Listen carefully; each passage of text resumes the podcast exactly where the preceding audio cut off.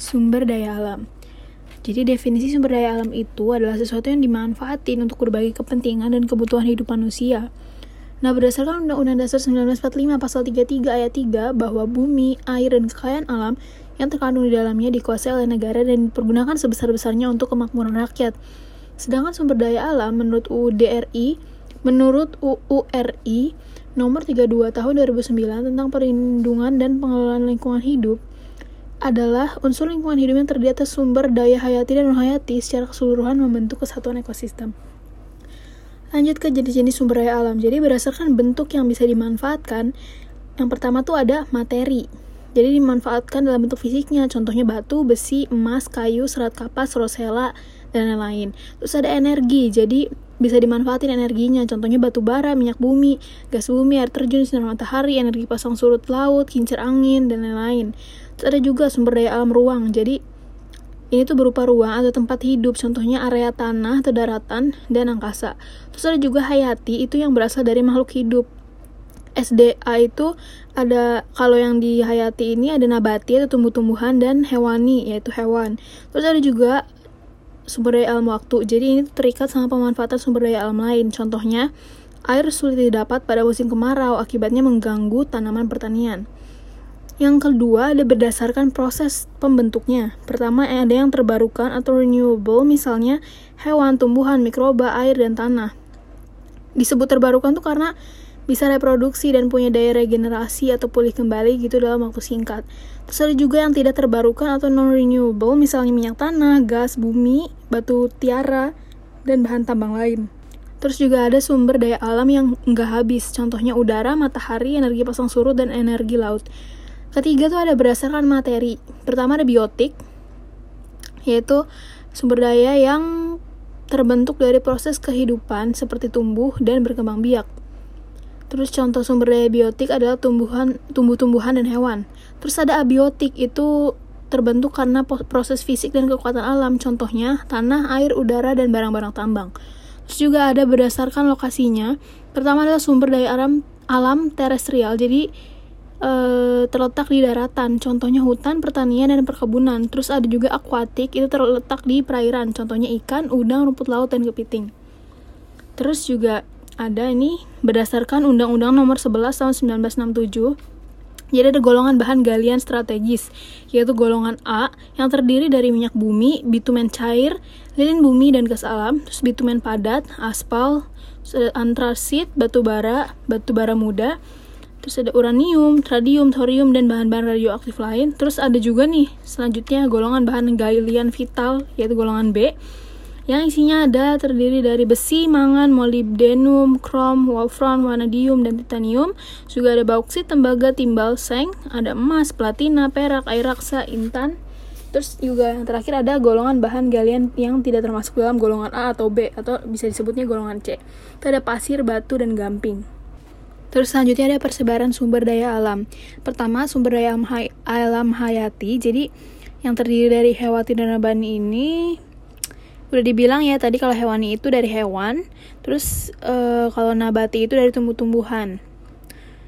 Nah, hutan, pertanian, dan perkebunan ini tersebar hampir di seluruh Indonesia, di antaranya ada tembakau yaitu di Temanggung, Jawa Tengah, Bojonegoro, Jawa Timur, Boyolali, Jawa Tengah, Deli Serdang, Sumatera Utara, Klaten, Jawa Tengah, Aceh, Bengkulu, Jambi, Lampung, Sumatera Barat, dan DIY. Terus ada cengkeh yang tersebar di Jambi, Jawa Barat, Jawa Tengah, Jawa Timur, Kalimantan Tengah, Kalimantan Timur, Maluku, NTT, Papua, Riau, Sulawesi Selatan, Sulawesi Tenggara, Sulawesi Utara, Sumatera Selatan, dan DIY. Terus ada coklat yang tersebar di Jawa Barat, Jawa Timur, Kalimantan Timur, Lampung, Maluku, NTT, Papua, Sulawesi Tenggara, Sulawesi Utara, Sumatera Utara, dan DIY. Daerah penghasil coklat yang paling utama adalah Salatiga di Jawa Tengah. Terus ada juga lada, tersebar di Aceh, Jambi, Kalimantan Barat, Kalimantan Timur, Lampung, NTB, Sulawesi Selatan, Sulawesi Tenggara, Sumatera Selatan, Sumatera Utara, dan DIY. Lanjut ke sumber daya alam bahan tambang. Yang pertama kan ada minyak bumi, itu tersebar di Cepu, Cirebon, dan Wonokromo, Jawa. Sungai Gerong dan Sungai Pelaju, Palembang, Dumai, Riau, Pulau Tarakan, Pulau Bunyu, Kutai, dan Balikpapan, Kalimantan, serta Sorong, Papua. Terus ada lanjutnya gas alam, itu tersebar di Arun, Aceh, dan Bontang. Terus juga ada batu bara, itu tersebar di Ombilin, Sumatera Barat, Bukit Asam, Sumatera Selatan, Kalimantan, Kalimantan Barat, Tengah, Timur, Selatan. Kalau yang selatan ini di Pulau Laut atau Sebuku, terus ada Jambi, Riau, Aceh, dan Papua. Selanjut juga ke Tanah Liat tuh ada di Pulau Jawa dan Sumatera. Kaulin itu ada di pegunungan Sumatera. Terus juga Gamping atau Batu Kapur itu tersebar di pegunungan Seribu dan pegunungan Kendeng. Terus ada Pasir Kuarsa terus tersebar di Banda Aceh, Bangka Belitung, dan Bengkulu. Ada juga pasir besi tersebar di Cilacap, Jawa Tengah. Kalau marmer di Trenggalek, Jawa Timur. Kalau bauksit di Pulau Bintan dan Riau. Kalau timah di Pulau Bangka, Belitung, dan Singkep. Kalau nikel itu ada di Danau Matana, Danau Wauti, dan di Kolaka di Sulawesi Selatan. Kalau tembaga itu ada di Tirtomoyo dan Wonogiri di Jawa Tengah. Terus Muara Sipeng di Sulawesi sama di Tembagapura di Papua.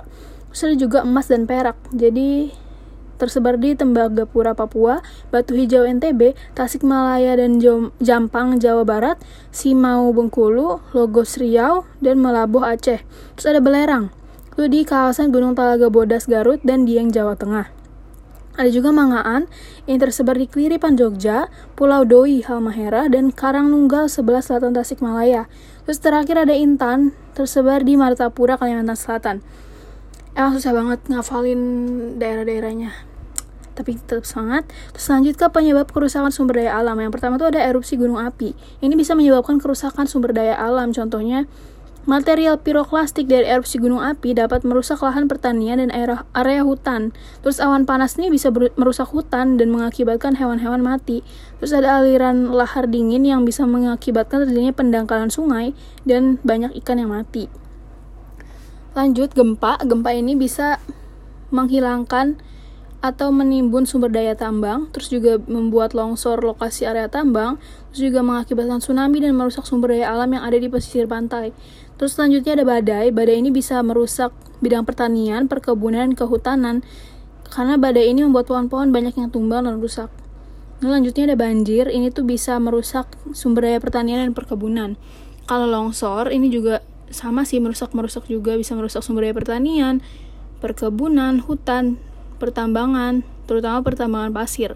Terus juga pencemaran, ini contohnya pencemaran udara dapat merusak sumber daya alam, terutama sumber daya hewan, tumbuhan, seperti pertanian, perkebunan, dan kehutanan. Selanjutnya, pemanfaatan dan pengelolaan. Jadi Indonesia ini adalah negara kepulauan yang punya kekayaan alam yang melimpah. Terus banyak banget kekayaan alamnya itu harus dimanfaatin secara arif dan pengelolaannya itu harus berdasarkan prinsip pembangunan berkelanjutan. Pertama, pertanian. Jadi pertanian adalah sejenis proses produksi khas yang didasarkan atas proses pertumbuhan tanaman dan hewan yang meliputi perkebunan, perikanan, peternakan, dan hutan. Jadi kalau intensifikasi pertanian, ini uh, upaya meningkatkan adalah upaya meningkatkan hasil pertanian dengan cara mengoptimalkan lahan pertanian yang udah ada. Caranya memilih bibit unggul, terus mengelola lahan dan tanah pertanian secara tepat dan terencana, Uh, terus ada pengat mengatur irigasi atau saluran air, terus memberi pupuk dan memberantas hama. Kedua ada ekstensifikasi pertanian, yaitu adalah perluasan area pertanian yang sebelumnya belum pernah dimanfaatkan manusia. Meliputi pembukaan lahan pertanian dengan pembukaan hutan baru, perluasan lahan pertanian dengan pembukaan lahan kering, dan perluasan lahan pertanian dengan pembukaan lahan gambut pada tanah rawa. Terus juga yang ketiga ada diversifikasi pertanian, jadi, pemanfaat ini adalah pemanfaatan lahan untuk pertanian untuk dua kepentingan yang punya daya guna sekaligus. Tujuannya menghindari ketergantungan dari satu hasil pertanian. Caranya dengan memperbanyak jenis kegiatan pertanian dan memperbanyak jenis tanaman pada satu lahan tertentu.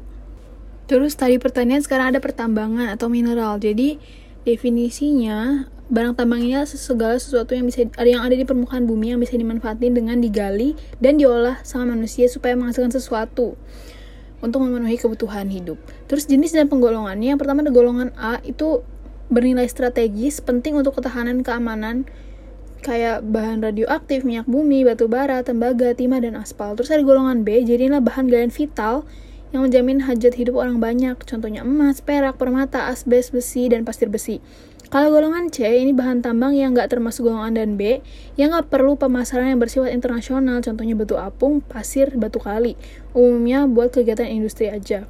Terus kegiatan pertambangan, yang pertama itu ada observasi, yaitu meninjau, terus eksplorasi, atau yaitu meneliti ketersediaan barang tambang, dan eksploitasi, yaitu kegiatan pertambangan terbuka dan tertutup. Lanjut ada efisiensi barang tambang. Caranya gimana? Jadi kita harus berhemat, terus juga temuin daerah pertambangan baru, terus lakukan penelitian terkait energi alternatif dan mengolah sumber daya alam jadi barang yang tahan lama. Terus kalau reklamasi pertambangan itu adalah usaha memperbaiki dan memulihkan kembali lahan bekas tambang yang rusak supaya bisa berfungsi secara optimal lagi.